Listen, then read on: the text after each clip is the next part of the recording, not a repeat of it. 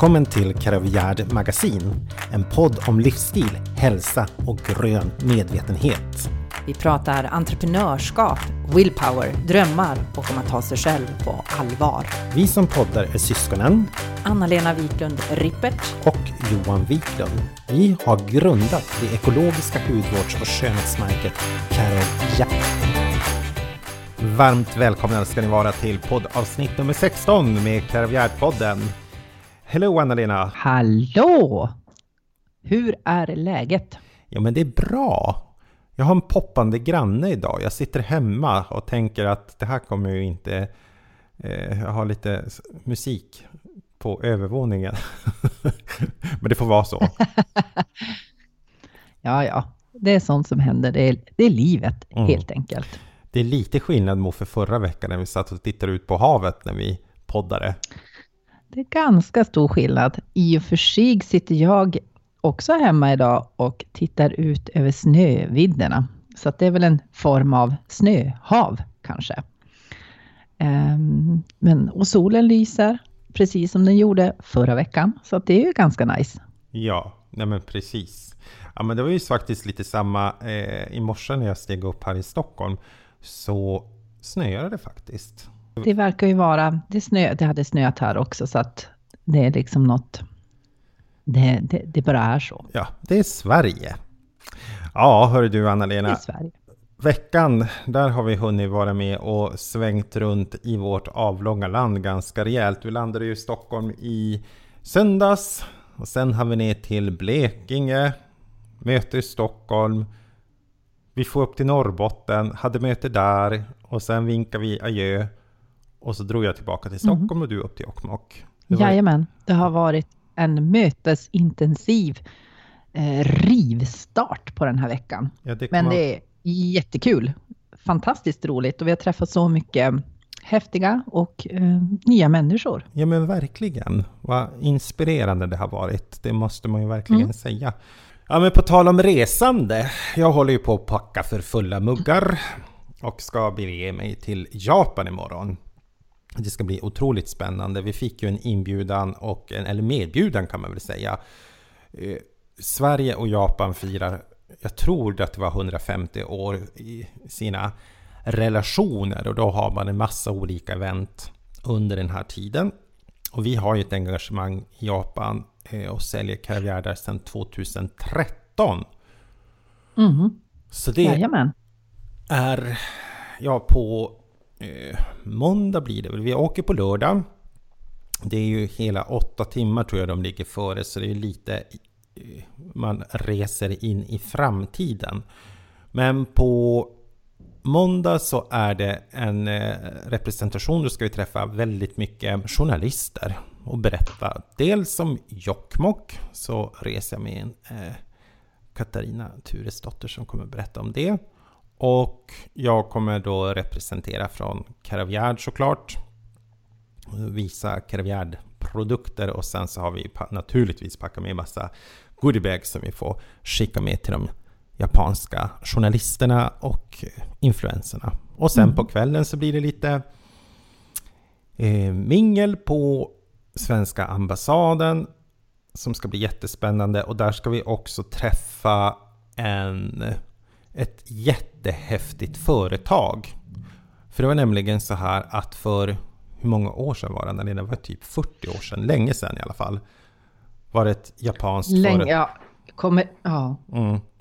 Det var ett japanskt företag som, som tyckte att Sverige var väldigt, väldigt exotiskt. Och de reste runt och försökte hitta inspiration. Och då hittade de Jokkmokk. Och de tyckte att allting var så himla fantastiskt i Jokkmokk. Så att de döpte, eller döpte sitt företag till Jokomoko. Och det har ju blivit ett kakföretag som är väldigt, väldigt stort. Jag tror Yokomoko har 150 butiker, berättade vår agent, bara i Japan. Men sen så exporterar de ju hur mycket som helst. De har över 300 anställda på sin fabrik i en, en liten mindre stad ganska långt ifrån Tokyo. Så det ska jag nätverka med. Och så sen naturligtvis så ska vi ha en kick-off för vi kommer lansera nya produkter på vår hårvårdssida. Och det kommer vi berätta mer om såklart. Så jag kommer ha en kick-off med våra säljare helt enkelt på där. Och det är faktiskt min spaning på entreprenörskap. För eh, jag tänker på det här med nätverk. Här är det ju verkligen nätverk om någonting. Det ska bli jättespännande att träffa Jokkmokk och prata och se och kan vi göra någonting i framtiden tillsammans? Det är klart, de skickar ut enorma mängder kakor. Eh, det är som, de är jätte, jätte stora. Men nätverk, det är ju någonting som har blivit inom entreprenörskapet. Man pratar jättemycket om att det är så himla viktigt med nätverk. Och jag tänkte faktiskt ta upp två stycken spår som jag och du Anna-Lena också har pratat ganska mycket om genom åren. Mm. Och det professionella nätverkande, vad, vad har det betytt för oss? Ena negativa aspekten, jag brukar nästan kalla det nätverksstöden. Mm. Springa runt och, och skjuta blint. Det är ungefär som man nästan kan säga jämföra det med marknadsföring. Om man har en pott på 10 000 kronor och så har man, man vet inte vem målgruppen är utan man bara pof, skjuter iväg den där. Och så marknadsförs man sig ja, men som en hagelbössa. Man har ingen kontroll på vars det landar någonstans. Så det är inte så himla kontraproduktivt. Och det är nästan som att man tänker en de här mest entusiastiska eh, nätverkarna, vi har ju några sådana Anna-Lena som vi känner. Mm. Och eh, det, vi skulle inte vara förvånade, och nu drar jag en jättedålig liknelse, men för att ni ska verkligen förstå vad jag menar. Det är som om någon av dem skulle vara en sommelier som är specialist på vin, som skulle att attend till ett AA-möte för att verkligen få dem att förstå vilken fantastisk vin det här är. Det säger ju sig självt att ett sånt nätverksmöte skulle vara helt katastrofalt. Men jag brukar säga så här när det kommer till nätverkande att när det fungerar och man, eh, man har ett nätverk som funkar, då är det ju helt fantastiskt. Alltså då, man kan hjälpa varandra och man kan dra i olika trådar och folk har olika kunskaper och kompetenser. Men ehm, samtidigt har det ju den här negativa delen som du näm nämnde lite grann om. Det är ju när nätverkande blir, ett tag var det ju att man bara talade om nätverkande och folk samlades och det hände ta med tusan ingenting. Nej, men Utan nätverk, då måste det vara action. Ja, men det, nu var jag ju inne på den negativa aspekten. Det skulle ju så sagt komma ett positiv aspekt också. Jo, ja, för, precis. För vi har ju verkligen varit med om när det är precis opposite. Och när vi mm. själv insåg att vi måste vara väldigt restriktiva med vårt eget nätverkande eller vad vi är med i. För att och fråga sig själv, och det blir en liten sån här, ja men kan man ge någonting, en, en kunskap om nätverkande, så är väl att man åtminstone lär sig att fråga sig själv, vad är syftet? Mm, exakt. Vad är syftet att jag ska göra det här? Och det, då kommer ju faktiskt de sunda nätverket fram, där man känner att här finns det ett syfte för mig alternativt, alltså både på givande och tagande sidan. Mm. Eh, och där man faktiskt kanske kan koppla ihop människor och man har ingen agenda för det. Och vice versa. Det är ju jätte, jättehäftigt. Vi har ju haft kunder som har kopplat ihop oss med eh, hotell, med salonger där de har tyckt att brunnit för oss. Helt mm. bara för att de vill oss väl. Men som sagt var, det, det är väl det som, som den här resan går ut på, nätverkande. Så det ska bli otroligt spännande och roligt och det kommer jag naturligtvis berätta om när jag kommer hem och på nästa vecka vad, vad som hände för någonting. Jag kom över en intressant artikel i Veckans Affärer eh, som jag fastnade för. Eh, om häftiga kvinnliga entreprenörer. Mm. Och där hade man listat ur ett historiskt perspektiv om 20 kvinnliga entreprenörer och uppfinnare. Alltså det, var, alltså det är jätte, jättehäftigt. Till exempel hon som uppfann Tippex. Eh, eller hon som kom på diskmaskinen. För naturligtvis var det ju en kvinna. Mm. Eh, och eh, så jag tänkte, jag ska inte läsa upp alla 20 stycken. Men eh, jag tänkte nämna eh, nämna några stycken här då som jag tyckte var riktigt häftiga. På 1600-talet till exempel så var det en grevinna som var ja, grevinna, bruksägare och överhovmästarinna hos drottning Kristina. Och hon var omnämnd som Sveriges första kvinnliga storföretagare. Hon hade både stor industriell verksamhet och jordbruk på båda sidor av Östersjön. Hon hette Maria Sofia de la Garde. Coco Chanel känner väl folk till. Coco Chanel hon gjorde sportkläder för kvinnor bland annat. Hon var först med att göra sportkläder för kvinnor. Och hon är den enda modedesignern som finns med på Time Magazines lista över 1900-talets 100 mest inflytelserika människor. Mm. Bara det. Mm. Florence Nightingale finns med här. Hon uppfann ju, eller uppfann hon, eh, just det här att hon faktiskt sänkte dödligheten på sjukhus från 42 procent till 2 procent bara genom att hand, alltså det här med handhygien. Eh, sen har vi Josefin Cochran, jag kanske uttalar det fel, som i början, ja 1839 till 1913 det är kvinnan som uppfann diskmaskinen med kommentaren, lyssna här, det här är ju helt amazing. Om ingen annan tänker uppfinna en diskmaskin så får jag väl göra det själv då. um, sen har vi, ja det är massa helt fantastiska kvinnor. Um, uh, Ada Lovelace levde mellan 1815 till 1852. Hon var en matematiker som faktiskt redan 1843 skrev vad som betecknas som världens första datorprogram i en not till en matematisk artikel. Det är väl coolt. Ja, men um.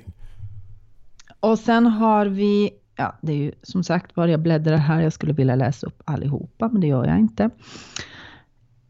Elise Ottesen Jensen. Hon levde mellan 1886 till 1973. Och henne när jag jobbade som ung, eh, eh, som hemsamarit, när man var till äldre damer och intervjuade dem naturligtvis, så var det jättemånga som nämnde henne faktiskt. För att hon åkte ju land och rike runt i hela landet eh, med sexualupplysning och bland annat då kondomer. Hon kämpade ju trots att det var olagligt för, för sexualupplysning på den tiden och grundade faktiskt RFSU och haft en avgörande betydelse för legaliseringen av preventivmedel, fri abort och sexualundervisning i skolan. Och det tar vi för självklart. Mm. Tänk det, vilka det föregångare. Det kommer jag alltså ihåg farmor, hon sa kordonger. hon det? sa kordonger. jo, hon hade ju varit och lyssnat på henne också. Jo, ja då. Hörni flickor, ni må då använda kordong. Det sa hon alltid. Så det var, ja, eh, en häftig kvinna. Sen tänkte jag eh, avslutningsvis nämna denna Betty Newsmith Graham som levde mellan 1924 och 1980. Lyssna här, hon var en sekreterare och uppfann Tippex. 1979 sålde hon sitt företag för hisnande 47,5 miljoner dollar.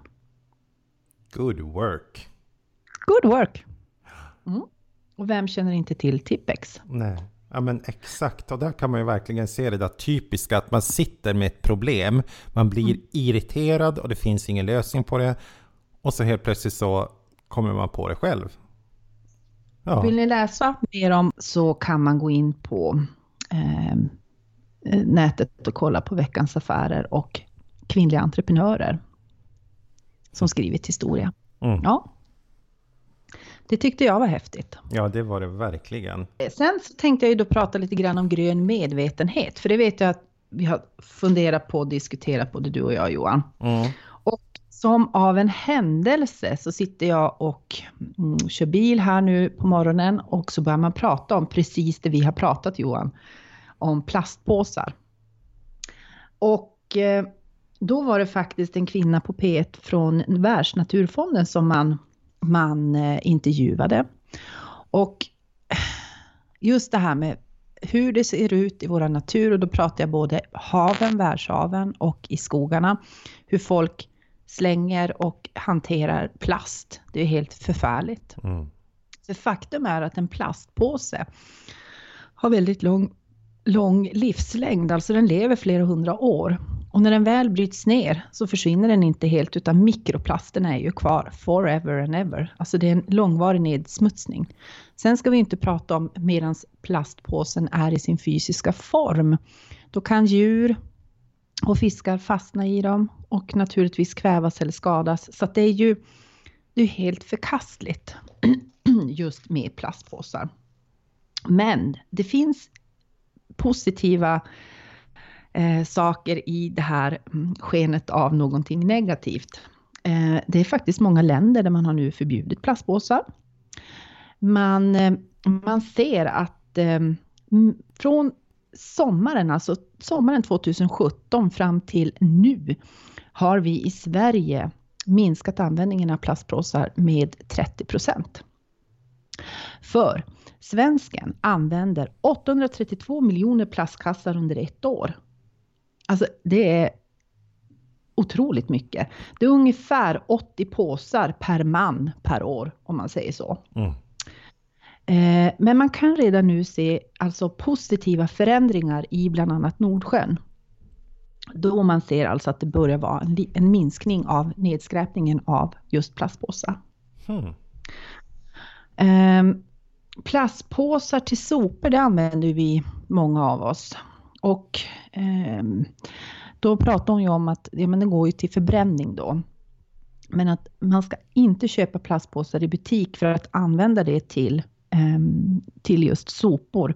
Utan köp istället plastpåsar som har ändamålet att vara för sopor för att de är tunnare. Och tillverkningsprocessen har inte varit då lika betungande för miljön. Eh, så. Och sen så sa de en grej också som jag blev så här bara oj, tygpåsar. Man diskuterar tygpåsar att det är inte heller så där superbra på grund av produktionen av tygpåsar.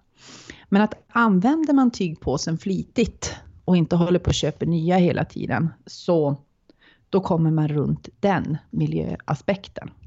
Sen så tycker jag jag måste få nämna på Västra skolan här i Jokkmokk har man gjort ett projekt där man har sytt tygpåsar eh, av, ehm, alltså man har återanvänt eh, tygmaterial och sytt tygpåsar. Mm. Det är väl ett bra, ett jätte, jätte fantastiskt bra initiativ tycker jag.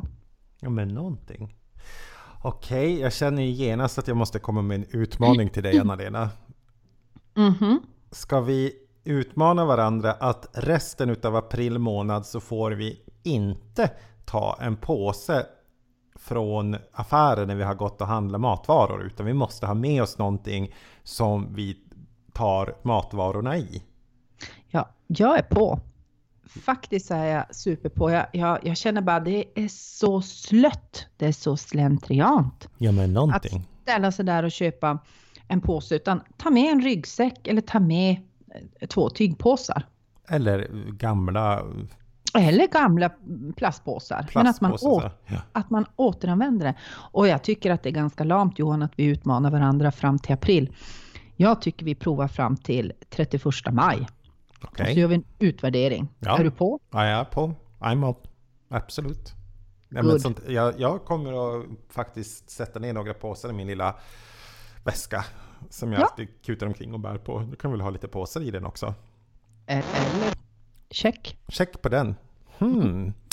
Ja, det var en bra, bra spaning. Jag har också en ganska bra spaning som är på intågande vad gäller grön medvetenhet. Mm. Det har ju kommit en trend eh, och jag tänker att, att den trenden, den är ju inte så bra för de här lågpriskedjorna. Trenden är ju att allt fler köper mer kvalitativa kläder. Och eh, när man pratar med unga studenter och då tänker man så här, ung student lika med fattig och det borde inte vara så att man investerar i, i dyra saker. Men där har man många gånger ett helt annat hållbarhetstänk som jag blir väldigt inspirerad utav. Att nej, hellre så köper jag en skjorta eller ett par byxor utav en något bättre kvalitet och som man då har en förutsättning för att den faktiskt kan leva längre. Mm. Och samma det här att man inte bara slentrian shoppar. Men eh, på initiativ av Naturskyddsföreningen så den 14 april i år så kommer den stora klädbytardagen. Och eh, det här tyckte jag var en otroligt rolig sak så det ska jag faktiskt ta och försöka leta upp här i Stockholm om jag då är här då vill säga. Jag tror det. Eh, och det går helt enkelt ut så att man tar med sig fem eller tio fina fräscha plagg eh, mm. till det här stället vars man då... Det, det är ett klädbytarsgrejs. När man kommer dit så lämnar man in plaggen. Det är väl någon som tittar och ser över dem, att det ser fint ut. Mm. Och för ett plagg som du har lämnat in så får du en bytesbiljett. Helt enkelt. Ah, vad och så, smart! Eller hur? Mm. Och så kan du då gå omkring och kika och kolla och fixa och se om du hittar andra plagg som du då skulle vilja ha. Och eh, är det så att det blir plagg över så, så skänks de till en lokal second hand-butik. Det var ju bra. Jag tycker också det. Mm. Sen så kan man faktiskt också arrangera en sån här klädbytes-event. Och då naturligtvis, det är väl lättast att om, du går in på Naturskyddsföreningen, då hittar du informationen där. Men det är att man kan göra det med sin skolklass, sin kommun, eh, man kan prata och kolla med Naturskyddsföreningens lokalavdelning eller kanske på egen hand. Så att kika in där och se på om, om ni inte ska antingen gå till en klädesbytnings eh, eller faktiskt arrangera en själv. Det är jättesmart. Visst är det kul? Ja men herregud, jag tänker på folk köper kläder och sen nej, det var inte rätt, man kanske använder den en gång. Alltså, det, snacka om resursslöseri. Ja, inte... Kanske någon annan tycker att det är helt fantastiskt och vill använda dem. Exakt, och det kan ju också bli det där att man har fina kläder som, ja men man har blivit lite, det är som jag som är, har typ två garderober. En smal garderob och en liten mittemellan plagg och så en liten tjockisgarderob. Jag tror inte jag är helt ovanlig i det avseendet faktiskt. Och vissa plagg kanske man faktiskt kan säga bye bye till. ja, men om man ska kolla vårt tema som vi alltid resonerar lite kring, det är ju personlig utveckling.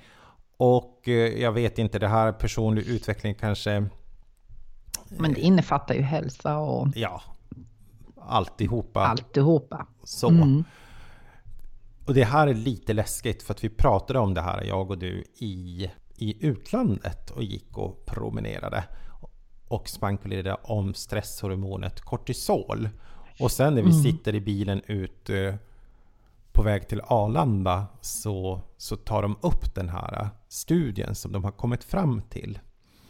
Mm. Och jag tror ju säkert att det är många med mig som någon gång i livet eh, jag vet för några år sedan så var jag lite rundare. Jag var väldigt stressad för det var en stressig period. Det var en stressig period hemma. Så det var stress på alla möjliga olika håll om man säger så. Och jag tränade ganska mycket och jag åt väl. Och efter tre fyra månader så hade det inte hänt någonting på vågen. Och jag tänkte att ja men jag har ju gått så mycket och jag har ju fixat så då är det säkert musklerna som kompenserar. Fast samtidigt så, nej, det var inte så. Och jag kände lite grann att det jag ska berätta nu, det blev nästan lite svart på vitt på vad jag upplevde.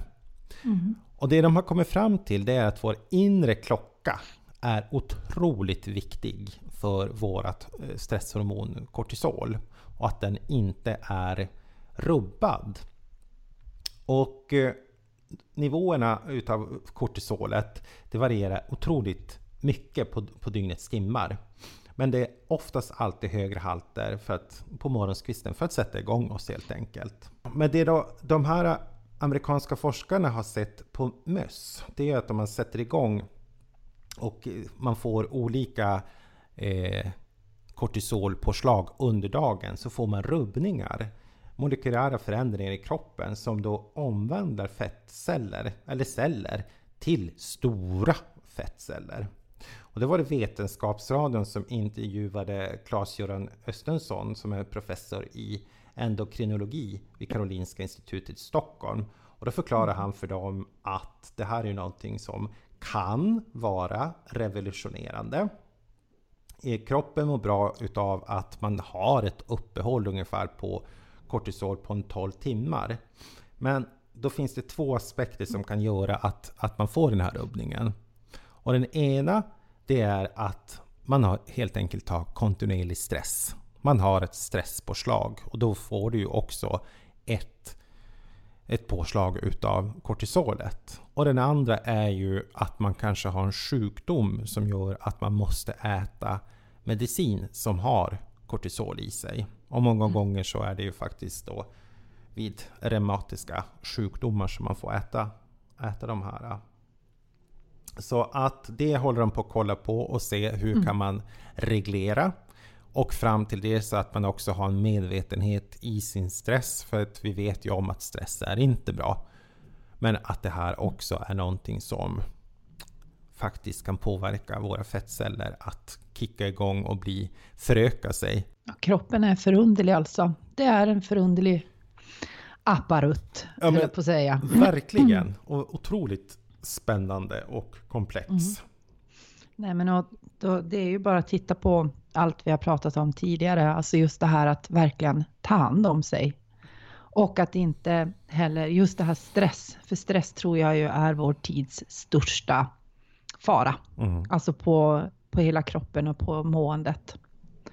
Det, det är bara så. Ja men visst, absolut. Mm.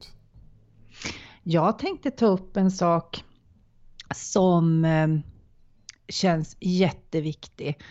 Eh, och det är omtänksamhet och snällhet. Mm. Det tycker jag att vår värld behöver mycket, mycket mer av. Och är vi omtänksamma och snälla med varandra så blir det ringa på vattnet. Och en person som jag då skulle vilja ta upp här, som personifierar faktiskt eh, detta, eh, en ikon som har gått ur tiden och det är ju Lill-Babs, Barbro Svensson. Mm. Eh, och när man har läst om henne och eh, ja, allt som folk har skrivit och så vidare. Jag kände henne inte personligen utan, utan som artisten Lill-Babs naturligtvis. Men tänk att omnämnas på ett sådant sätt. Eh, att människor i överlag omnämner dig som omtänksam, snäll, fantastisk människa. Det är väl inte ett dåligt kvitto på en människa? Nej, vilket arv att efterlämna sig. Men sen är det väl bara att konstatera att det är en fantastisk kvinna som eh, har funnits i vår tid och hon lämnar ett stort hål tror jag. Eh, både som artist och människa. Mm hos många, hos många. Vi får önska alla nu en riktigt, riktigt skön helg och så får ni ta hand om varandra. Var omtänksamma och snälla. Var omtänksam och snäll och jag ska och kika och spana på körsbärsblommorna i Tokyo. Jag skickar lite vår uppåt eh, Skandinavien. Ha det gott och så syns vi och hörs nästa vecka. Hej då! Hej hej!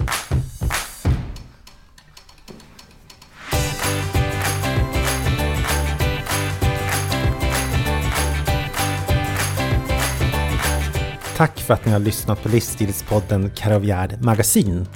Vill ni ha mer av oss? Så gå in på karavjärd.se och läs vårt digitala livsstilsmagasin. Ni möter oss och andra influencers som Sveriges örtdrottning Queen Bee Lisen Sundgren, den samiska entreprenören Victoria Harnes och en massa andra spännande personligheter. Har ni några frågor och funderingar? Tveka inte att kontakta oss på johan.karavgard.se eller anna-lena.karovgard.se Livsstilspodden Karovgärd Magasin släpps varje fredag 15.00 Vi hörs!